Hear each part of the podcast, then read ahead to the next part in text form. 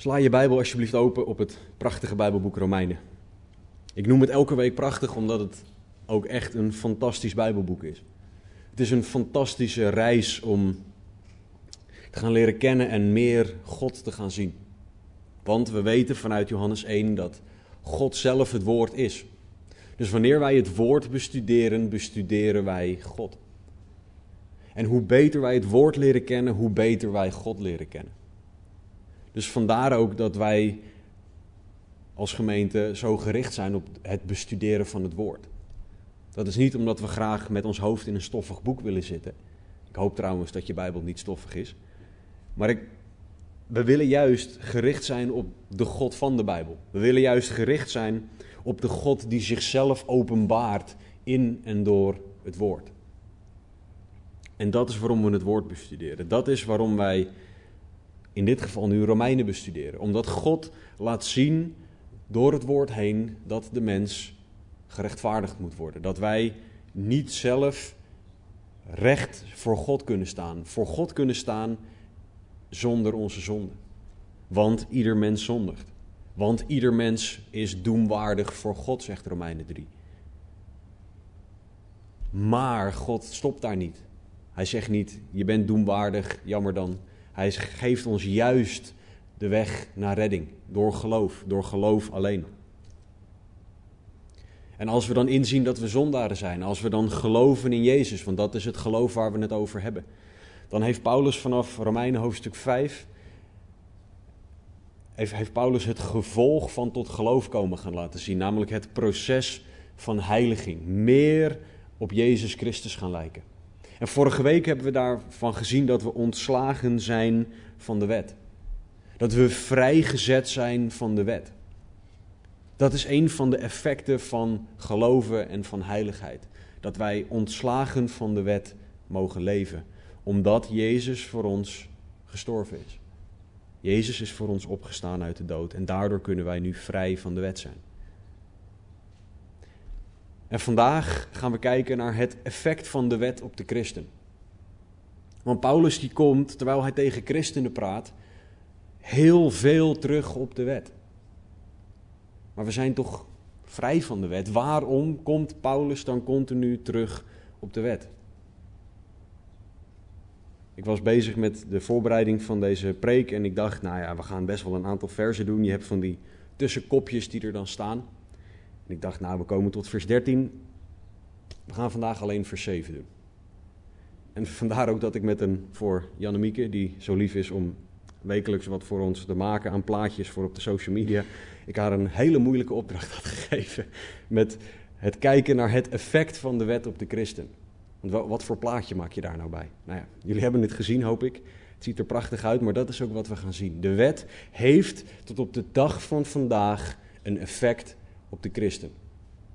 Alleen het is belangrijk dat wij zien wat voor effect. Want als we er een verkeerde interpretatie van hebben, gaan we er ook een verkeerde toepassing van hebben.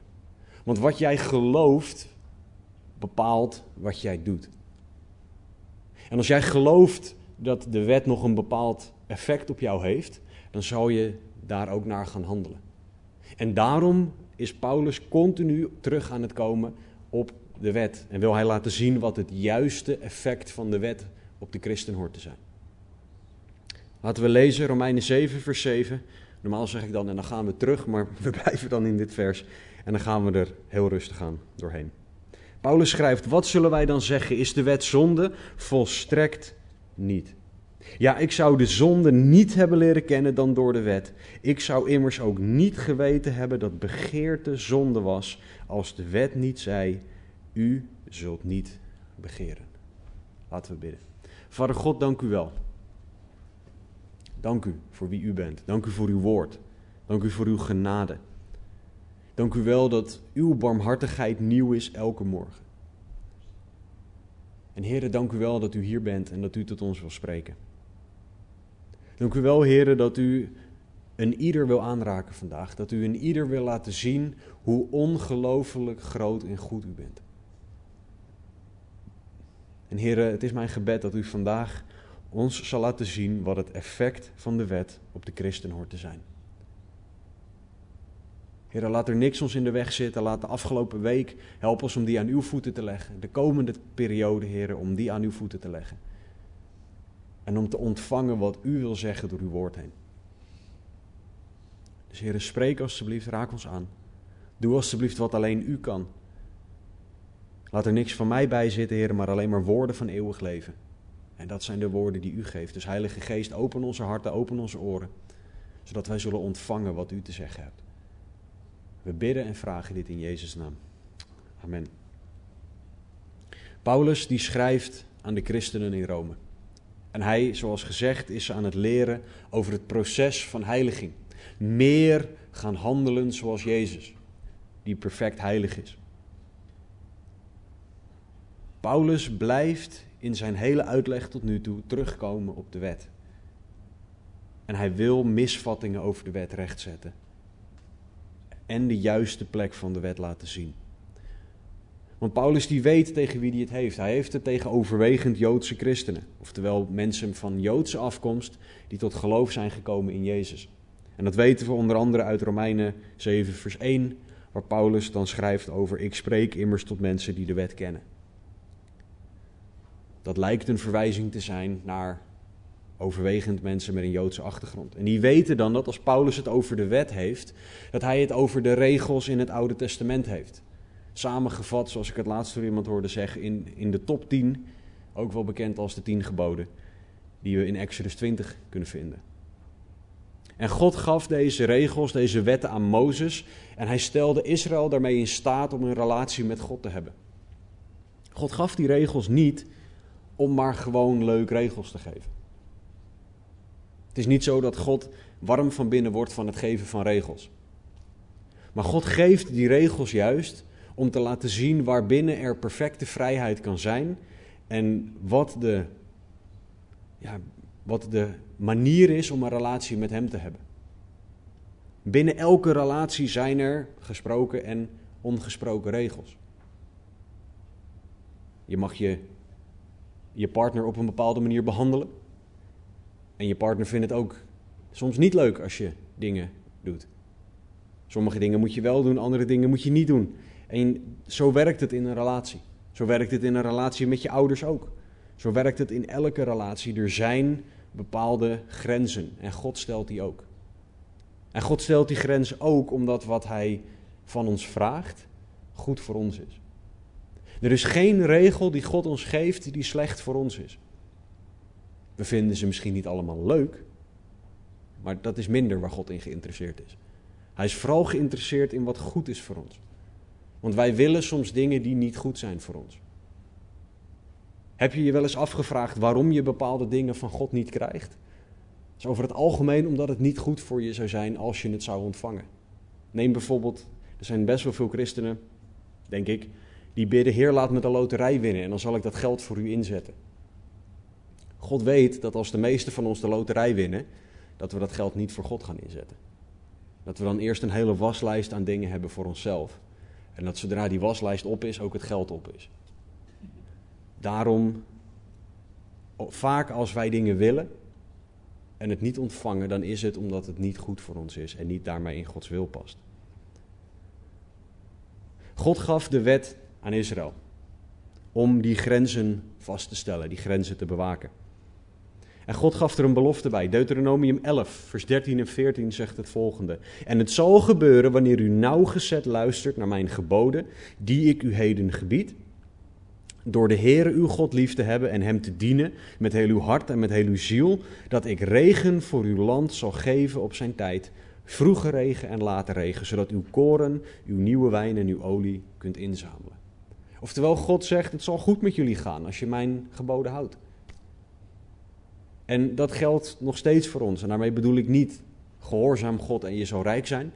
Daarmee bedoel ik dat als jij God gehoorzaam, dat je alles zal krijgen dat je nodig hebt. En ook dat is iets anders dan alles krijgen wat je wil. Want God weet precies wat wij nodig hebben. Wij willen vaak alleen iets anders. Maar God beloofde Israël dat wanneer ze zich aan zijn geboden houden, dat ze alles zullen krijgen wat ze nodig hebben om te overleven. Alles dat ze nodig hebben om Hem te kunnen dienen, om zijn volk te zijn. En God heeft deze wetten gegeven om aan Gods standaard van perfectie, Gods standaard van heilig te voldoen. Maar voor de duidelijkheid, het was nooit Gods wil dat wij maar heel hard zouden gaan werken, heel hard ons best zouden gaan doen om die wetten te houden en om op die manier Gods liefde te verdienen. Want op het moment dat het ligt aan ons kunnen, dan gaan wij onszelf vergelijken met anderen, met andere mensen. En dan wordt het, ja maar ik hou de wet beter dan. Of ik ben in ieder geval niet zo slecht als. En dan kan je denken, nou ja, ik heb nu niveau 10 bereikt in God gehoorzamen. Maar ik moet nog naar niveau 50, weet ik veel. En dan wordt het eigen kunnen in de plaats van de manier die God altijd al bedoeld heeft. Want in Genesis 15, voordat God de wet gaf, zei hij over Abraham het volgende. En Abraham geloofde in de Heer en die rekende hem dat tot gerechtigheid. Abraham geloofde de Heer en die rekende hem dat tot gerechtigheid. Geloof in God is de enige weg naar gerechtigheid. Geloof in God is de enige weg naar Gods liefde zien en ervaren. Want er is niks dat wij ooit zullen kunnen doen dat goed genoeg is ten opzichte van God. Want God is perfect. En toch gaf God de wet omdat hij wilde dat we zouden leven op zijn manier.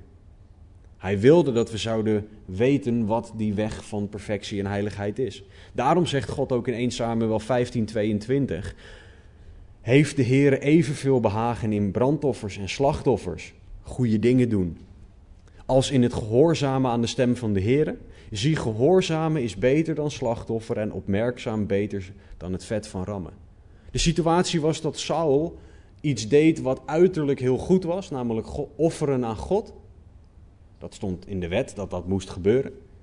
Maar hij ging voorbij aan het gehoorzamen van God. Saul had een relatie met God waarin hij dacht op basis van als ik nou iets goeds doe, dan krijg ik er wat voor terug. Een soort quid pro quo voor wat hoort wat. Dus om God zegen te ontvangen, moet ik iets voor God doen. Dat is niet hoe God in elkaar zit. En dit is het beeld dat veel christenen vandaag de dag nog hebben. Als ik God maar goed genoeg gehoorzaam, dan houdt God van mij. Als ik maar hard genoeg mijn best doe, dan accepteert God mij. Als ik maar goed genoeg bezig ga om mezelf te veranderen, dan zal God mijn situatie veranderen.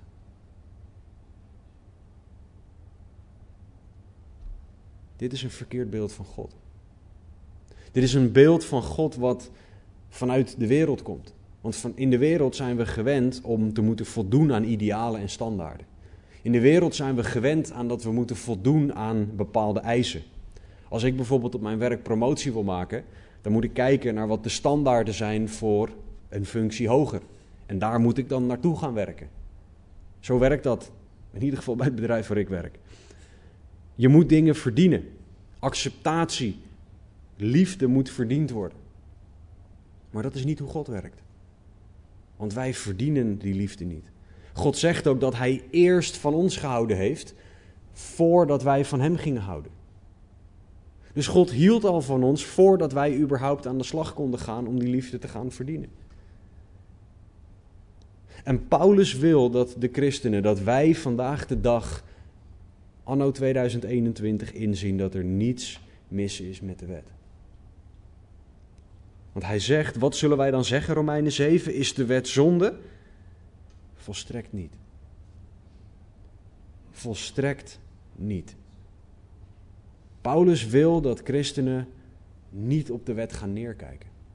Dat is het ene uiterste. Maar hij wil ook niet dat wij teruggaan naar de wet, het andere uiterste. Dat wij, ja, we accepteren dat Jezus voor onze zonde gestorven is en het gevolg is, ik moet de wet houden. Dat is niet hoe Jezus wil dat wij leven. Wij christenen horen een juiste blik op de wet te hebben. En door Jezus zijn wij ook in staat om de wet juist in te schatten. Want Jezus zelf zegt in Matthäus 5:17: Denk niet dat ik gekomen ben om de wet of de profeten af te schaffen. Ik ben niet gekomen om die af te schaffen, maar te vervullen. Als de, als de wet zonde of slecht zou zijn, dan zou Jezus de wet nooit vervuld hebben. Want Jezus leefde perfect. En hij leefde perfect in de ogen van de wet. Dus de wet is goed, de wet is heilig, de wet is perfect, de wet is geweldig. Maar wat moeten wij nou met die wet? Wat moet nou het effect van de wet op ons vandaag de dag zijn? Voor mij als christen, voor ons als christenen. Galaten 3 legt ons dat uit. Galaten 3, vers 21 tot en met 24. Paulus is hier aan het woord en hij schrijft het volgende. Is dan de wet in strijd met de belofte van God? Volstrekt niet. Want als er een wet gegeven was die in staat was levend te maken, dan zou de gerechtigheid werkelijk uit de wet zijn. Maar de schrift heeft alles onder de zonde opgesloten, opdat de belofte aan de gelovigen gegeven zou worden door het geloof in Jezus Christus. Voordat het geloof echter kwam, werden wij door de wet bewaakt, als gevangenen opgesloten, totdat het geloof geopenbaard zou worden. En hier komt het. Zo is dan de wet onze leermeester geweest tot Christus, opdat wij uit het geloof gerechtvaardigd zouden worden. Wat Paulus hier zegt, is dat de wet niet in strijd is met Gods beloftes. Maar de wet die laat ons zien dat wij de wet niet kunnen houden. Want de wet vereist perfectie. Daarom zitten wij voor het geloof door de wet bewaakt als gevangenen opgesloten. Totdat het geloof geopenbaard zou worden. Want we moeten inzien, wij kunnen het niet, maar Jezus heeft het voor ons gedaan. Ik kan het niet, maar Jezus, u hebt de wet compleet vervuld en daarom geloof ik in u. Opdat wij uit het geloof in Jezus Christus gerechtvaardigd zouden worden. Het nut van de wet is niet om ons een weg naar God te geven. Vandaag de dag. Want dat kunnen wij niet. Niemand kan de wet perfect houden. Misschien kom je bij de tien geboden tot en met de negende. Dat je niet moordt, niet steelt, niet liegt, niet één van die dingen doet. Nooit naar bent geweest tegen je ouders. Nooit Gods naam verkeerd gebruikt hebt, maar dan komt de tiende. Ik zou immers niet geweten hebben dat begeerte zonde was als de wet niet zei, u zult niet begeren. Niemand kan aan mij zien of ik iets begeer. Maar God ziet het wel. Want begeren is een zonde van het hart. En dat is wat Paulus inzag. De wet is cruciaal om ons op God te wijzen. Want door de wet zien wij dat zonde uiteindelijk in ons hart zit. En dat dat zo diep geworteld in ons zit dat wij er zelf niet van afkomen. De wet is erop gericht om ons op God te wijzen. Om ons afhankelijk van God te maken. Om ons te laten zien dat wij het zelf niet kunnen. En dat wij God nodig hebben om ook maar iets te kunnen doen waar God blij van wordt. Jezus zei: Zonder mij kunt u niets. En daarmee had hij het over dingen van eeuwigheidswaarde. De wet is ontzettend belangrijk voor heilig leven omdat als wij perfect willen leven, wij moeten inzien dat wij dat niet kunnen. Zonder God kunnen wij niet heilig leven, kunnen wij niet worden als Jezus. We hebben de wet hiervoor nodig. Niet om bij stil te staan, maar om doorgewezen te worden naar Jezus. Te veel christenen hebben een verkeerd beeld van de wet. Charles Spurgeon heeft hier het volgende over gezegd. Verlaag de wet en je dimt het licht waardoor de mens schuld inziet. Dit is een zwaar verlies voor de zondaar in plaats van winst. Want dit vermindert de waarschijnlijkheid van veroordeling en bekering. Ik zeg je dat het, macht, dat het evangelie haar machtigste wapen ontnomen wordt wanneer je de wet aan de kant zet. Je hebt de schoolmeester weggehaald die mensen naar Christus brengt.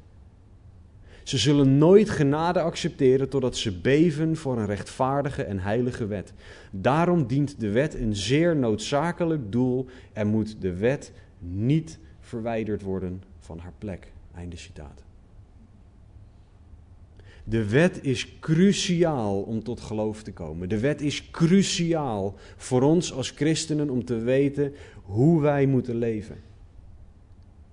En de wet hoort zeker weten vandaag de dag effect op de christen te hebben. En ik wil met jullie naar vijf verschillende effecten van de wet kijken die voor de christen duidelijk moeten worden. De eerste vinden we in Romeinen 7. Paulus zegt: Ja, ik zou de zonde niet hebben leren kennen. Vers 7 ook, sorry. Romeinen 7, 7. Ja, ik zou de zonde niet hebben leren kennen dan door de wet. Ik zou immers ook niet geweten hebben dat begeerte zonde was, als de wet niet zei: U zult niet begeren.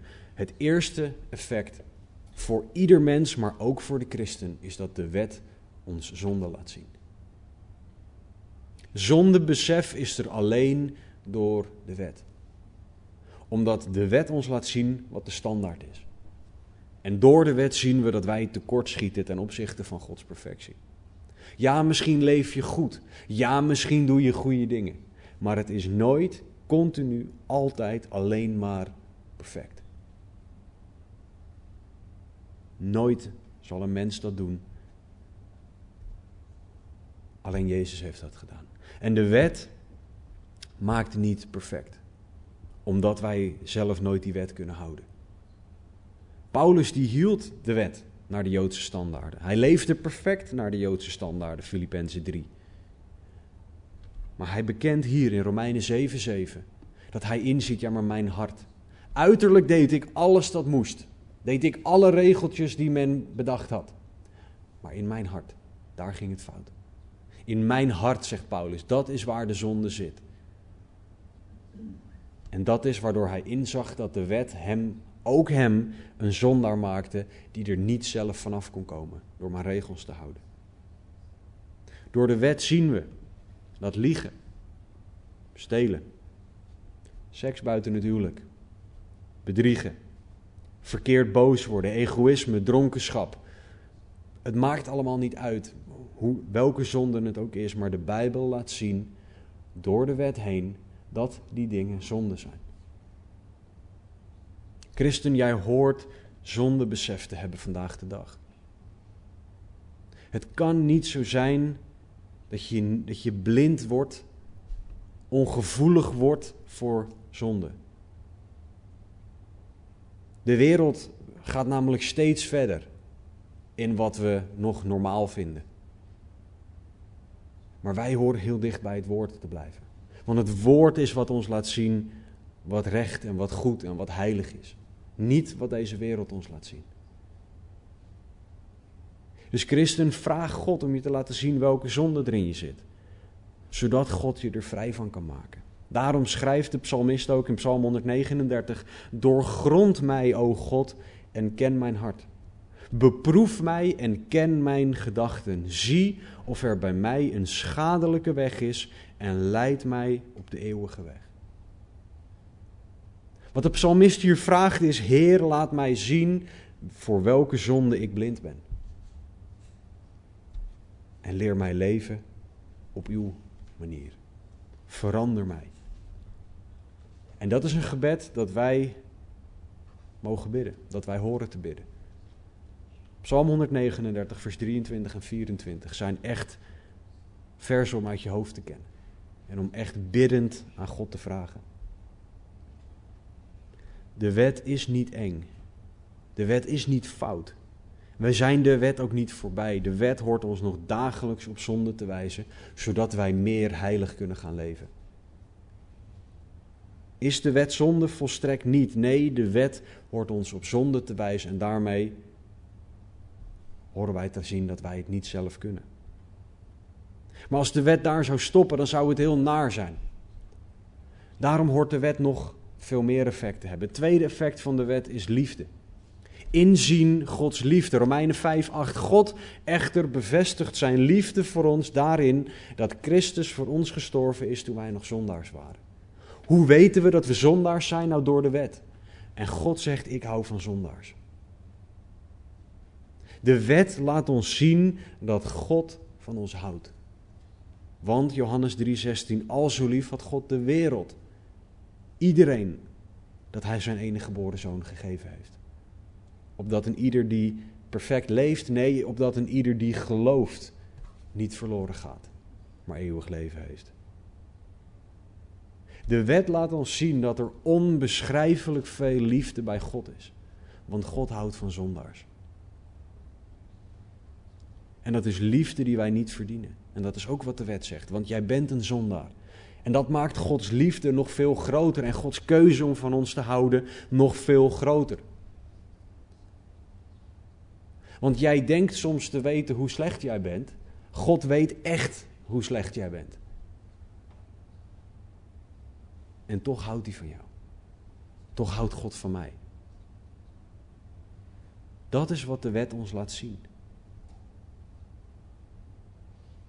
En toch houdt God van ons. Toch kiest God ervoor om van ons te houden. 1 Johannes 4, vers 18 zegt het volgende: Er is in de liefde geen vrees, maar de volmaakte liefde drijft de vrees uit. De vrees houdt immers straf in, en wie vreest is niet volmaakt in de liefde. Wat Johannes hier zegt, is dat Gods liefde voor zondaars ervoor kan zorgen dat wij niet meer bang hoeven te zijn. Want in Gods liefde hoeven we niet bang te zijn dat er straf is. Straf voor onze zonde, want Jezus heeft die straf al gedragen. Ja, je verdient straf voor je zonde, maar Jezus heeft door zijn liefde die straf op zich genomen. Dus we hoeven niet meer bang te zijn. We hoeven nergens meer bang voor te zijn. Want Jezus heeft alles gedragen aan het kruis. Al onze angst, al onze pijn en vooral al onze zonden heeft Hij gedragen aan het kruis. En we zien alleen dat we dat nodig hebben door de wet. Dus de wet laat ons zien hoeveel God van ons houdt. Hoe onbeschrijfelijk groot Gods liefde voor jou, voor u en voor mij is. Het effect van de wet is dat we Gods liefde mogen leren kennen. Het derde effect van de wet is dat er hoop is. God stopt niet met zeggen: Ja, je bent een zondaar. Jammer. Nee, God zegt dan, Galaten 3:24, zo is dan de wet onze leermeester geweest tot Christus, opdat wij uit het geloof gerechtvaardigd zouden worden. Er is hoop op redding, er is een redder, is wat wij mogen zien door de wet heen. De wet wijst ons namelijk op Jezus, de enige die de wet perfect gehouden heeft. De wet wijst ons namelijk op Jezus als onze enige hoop. Satan wil dat wij ons focussen op wat wij niet kunnen. Hij wil dat we ons focussen op, ja maar je bent een verloren zo of je bent een zondaar en je doet het zo slecht. En vaak heeft Satan nog ook gelijk hè, wanneer hij ons aanklaagt, want hij klaagt ons aan op basis van dingen die we doen. Maar alleen de conclusie is anders. Want ja, ik heb gezondigd, maar Jezus Christus. Ja, ik ben een zondaar, maar Jezus heeft mijn zonde gedragen aan het kruis. Eén keer alle zonde voor altijd. God wil dat wij onze ogen op Jezus gericht houden, zegt Hebreeën 12:2. De leidsman en voleinder van ons geloof. Dus de wet laat ons zien dat er hoop is voor zondaars. Dat er hoop is voor gelovigen. De wet laat ons zien dat er hoop is voor mensen die inzien dat ze zondaren zijn, omdat ze naar Jezus toe mogen gaan. Dat ze in Hem mogen geloven en dat dat redding geeft. De wet is zo hoopvol. Want als je denkt, ja maar het is niet genoeg. Jezus is Jezus wel machtig genoeg? Jezus zegt in Matthäus 28, 20 dat hem gegeven is alle macht in hemel en op aarde. Sorry, dat is Matthäus 28, 18. En Matthäus 28, 20 zegt dat Jezus altijd bij ons is. Dus Jezus heeft alle macht en is altijd bij ons. Dat is onze redder door wie wij altijd hoop hebben. En dat is hoop voor de eeuwigheid, hoop voor de fantastische tijd die we na ons sterven of de opname bij God mogen doorbrengen, maar dat is ook hoop voor nu. Dat is hoop voor nu in jouw situatie, wat die situatie ook is. Want jij bent een zondaar, God is de redder en God wil jou in je situatie dragen. Hij wil je door je situatie heen leiden. Hij wil je vrijmaken van je zonde, zodat je meer en meer heilig voor Hem zal leven. Dat betekent misschien niet dat je situatie verandert, maar dat betekent dat jij verandert in je situatie. Wij willen graag dat God onze situatie verandert. Het eerste wat er gebeurt als er iets naars gebeurt, is dat we zeggen: Heer, verander mijn situatie.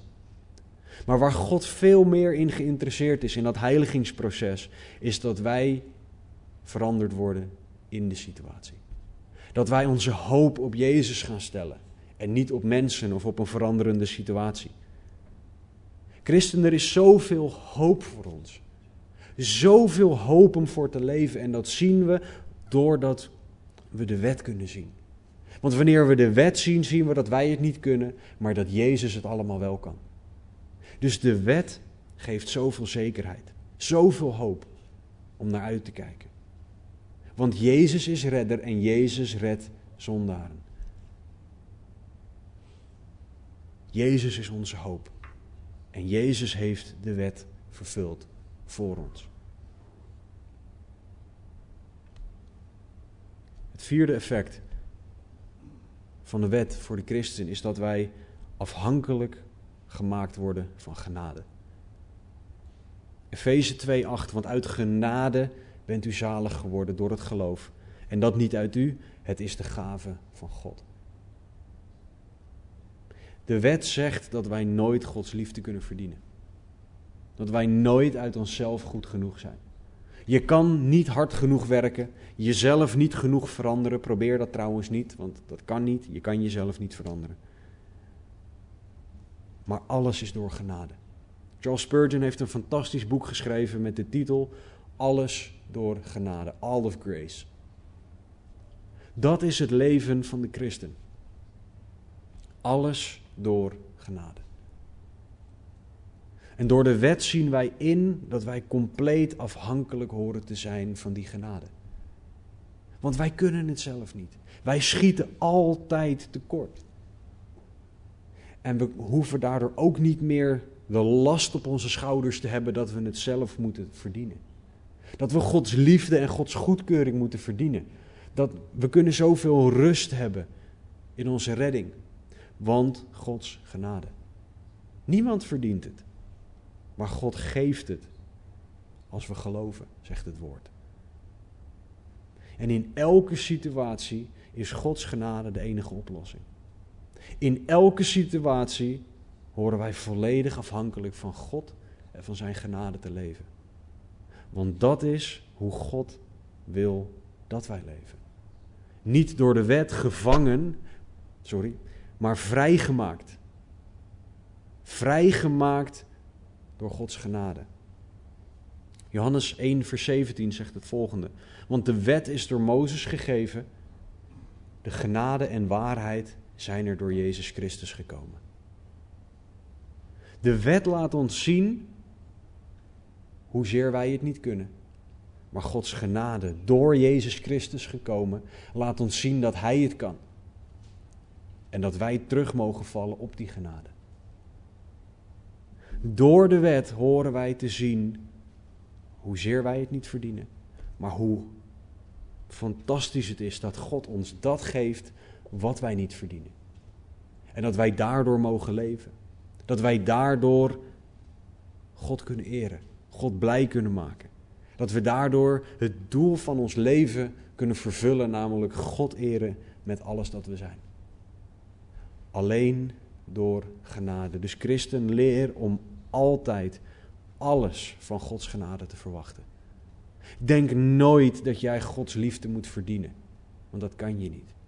Laat niemand je aanpraten dat jij niet goed genoeg bent om dit te ontvangen. Want ondanks dat dat klopt, heeft God in zijn genade ervoor gekozen om het toch te geven. Dus richt je op die genade. Laat de wet je wijzen op Gods genade en daar afhankelijk van zijn. Laat je niet in de put praten door de vijand. Die wil dat je je richt op iets anders dan Gods genade.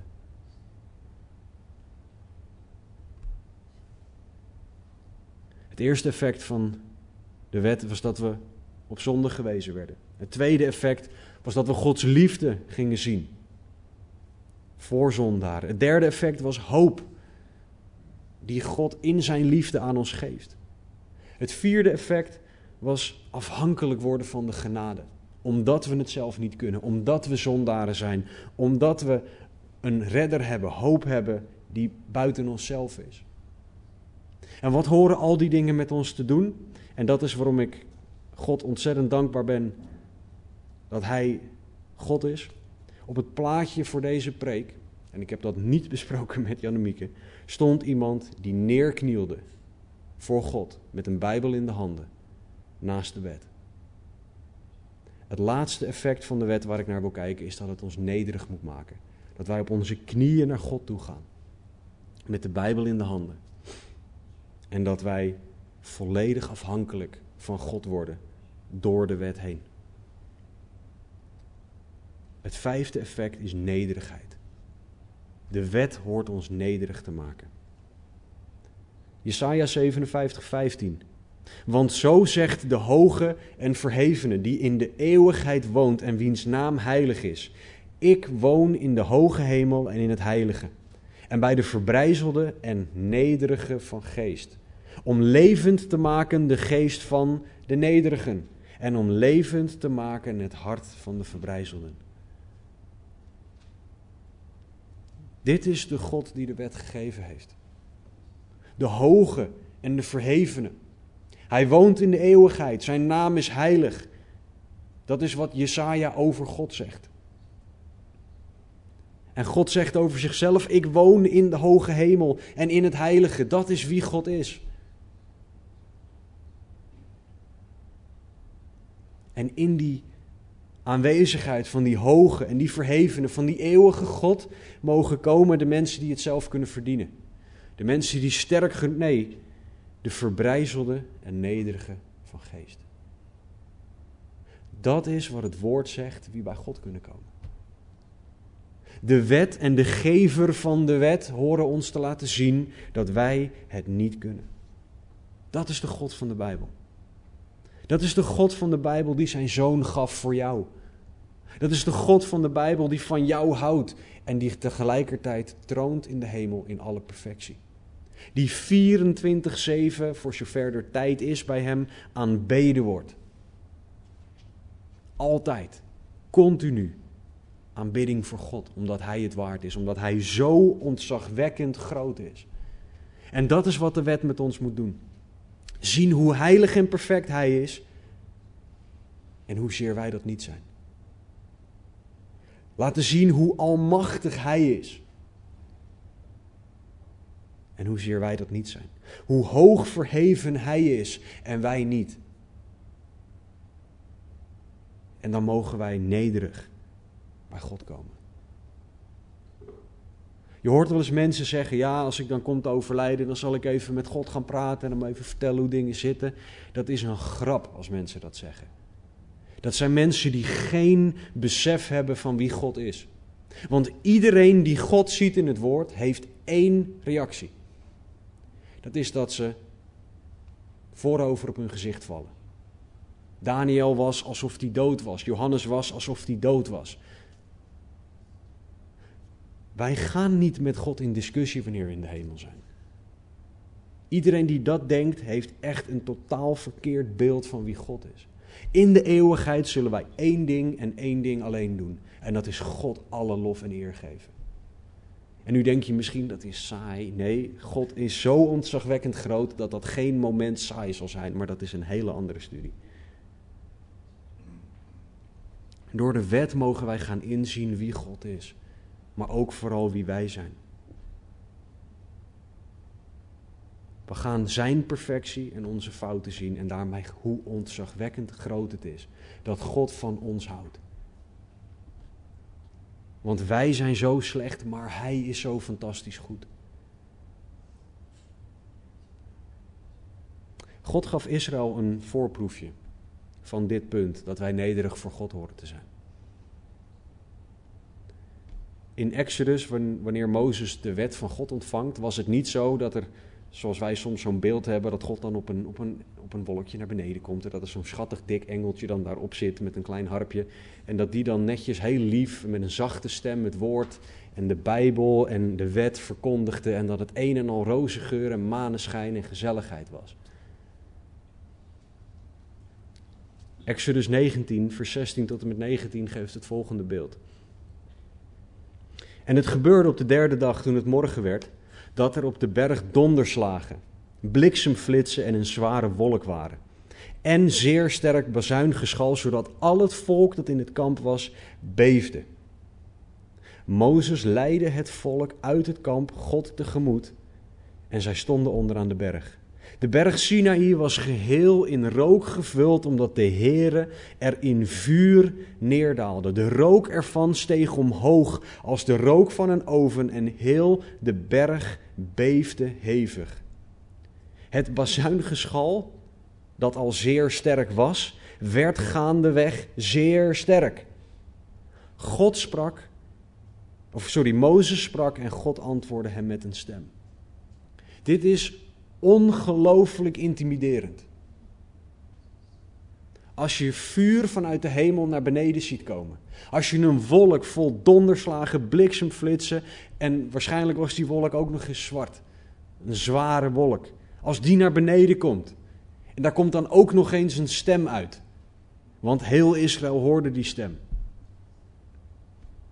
Dat is niet zo'n lief en zacht en teddybeerbeeld van God. Dit is een God van heiligheid en perfectie. Dit is een God van ontzagwekkende grootheid. En die God spreekt.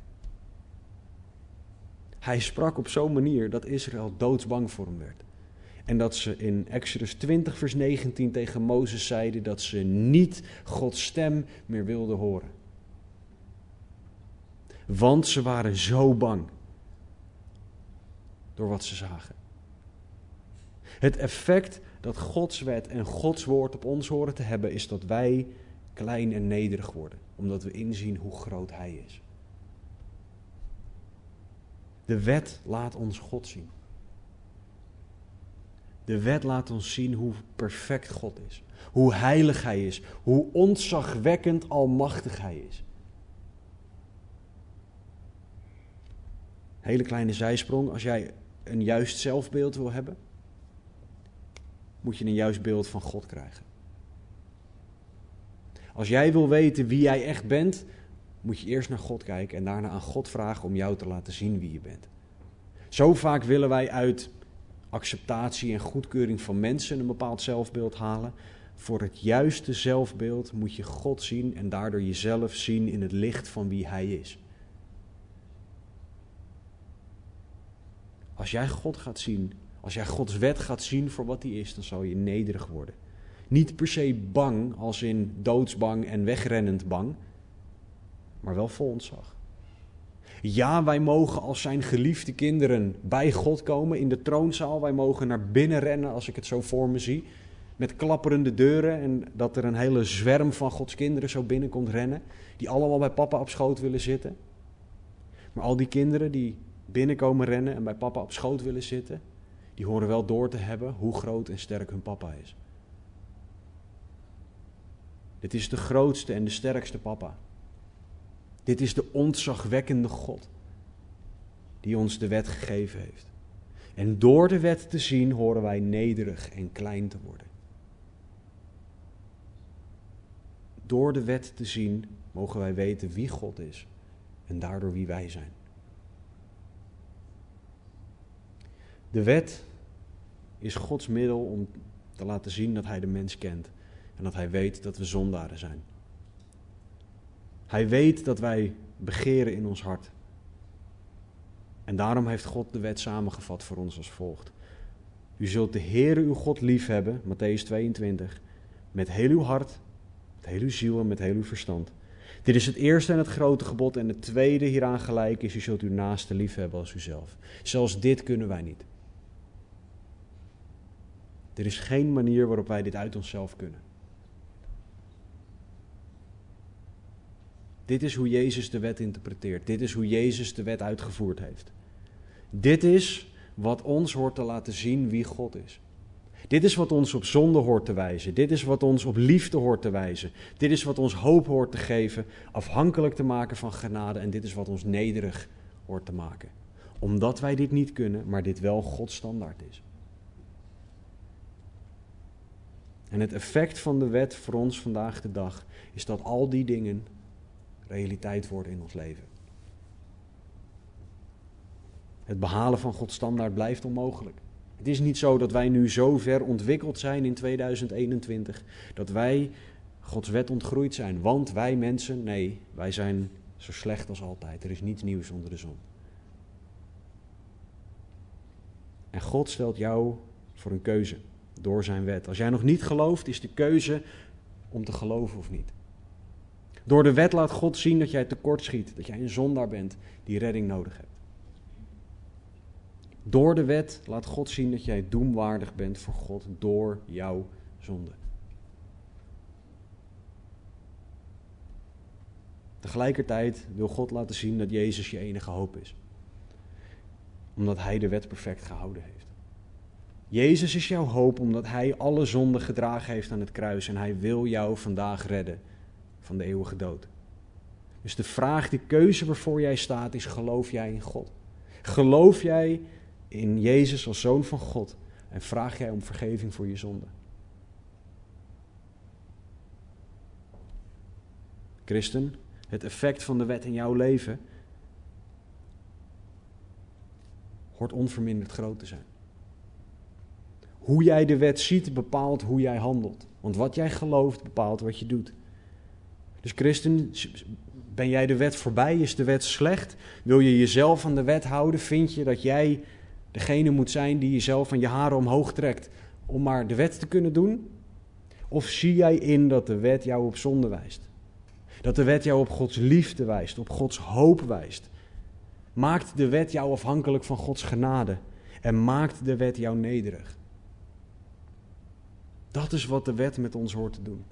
Dus laat de wet jou op God wijzen, naar Jezus wijzen, omdat jij het zelf niet kan. En laat Gods wet jou meer en meer naar God wijzen, naar God leiden, zodat je meer en meer heilig voor Hem zal leven, omdat het effect van de wet in jouw leven zichtbaar wordt. Laten we bidden. Vader Heer, dank u voor uw woord. Dank u voor uw wet. Heer Jezus, dank u wel dat u de wet vervuld hebt. Dank u voor de zegen dat wij uw kinderen mogen zijn. Dank u voor de zegen dat u niet wil dat wij zelf de wet houden, Heer, maar dat Jezus dat voor ons gedaan heeft. En Heer, leer ons dan ook om in die genade en in die rust te leven. Om uw liefde te accepteren. Heer, breng een ieder tot geloof die nog niet in u gelooft zoals u dat wil. In ieder die nog niet gelooft in Jezus als Zoon van God. Doe dat overtuigende werk in hen op dit moment. Heilige Geest, overtuig van zonde, gerechtigheid en oordeel op dit moment. En wijs in ieder op Jezus. Maar heren, voor iedereen die al gelooft, heren, laat hen zien wat onze zonden zijn en dat u ons daarvan wil vergeven. Laat ons zien hoe groot uw liefde is. Laat ons zien wat de hoop is waarin we mogen leven. Heren, leer ons afhankelijk van uw genade te leven en leer ons om nederig bij u te komen. Verander ons door uw grote werk. Heren, niet omdat wij dat verdienen, maar omdat u genadig bent. Zo is dan de wet onze leermeester geweest tot Christus, opdat wij uit het geloof gerechtvaardigd zouden worden. Het biddingsteam gaat ons leiden in een tweetal liederen. Laat de wet jou naar Jezus leiden. Laat de wet jou leiden tot meer en meer geloven, meer en meer vertrouwen. En niet zelf dingen willen verdienen. Laat de wet jou naar Jezus leiden. Laat dat het effect van de wet in jouw leven zijn.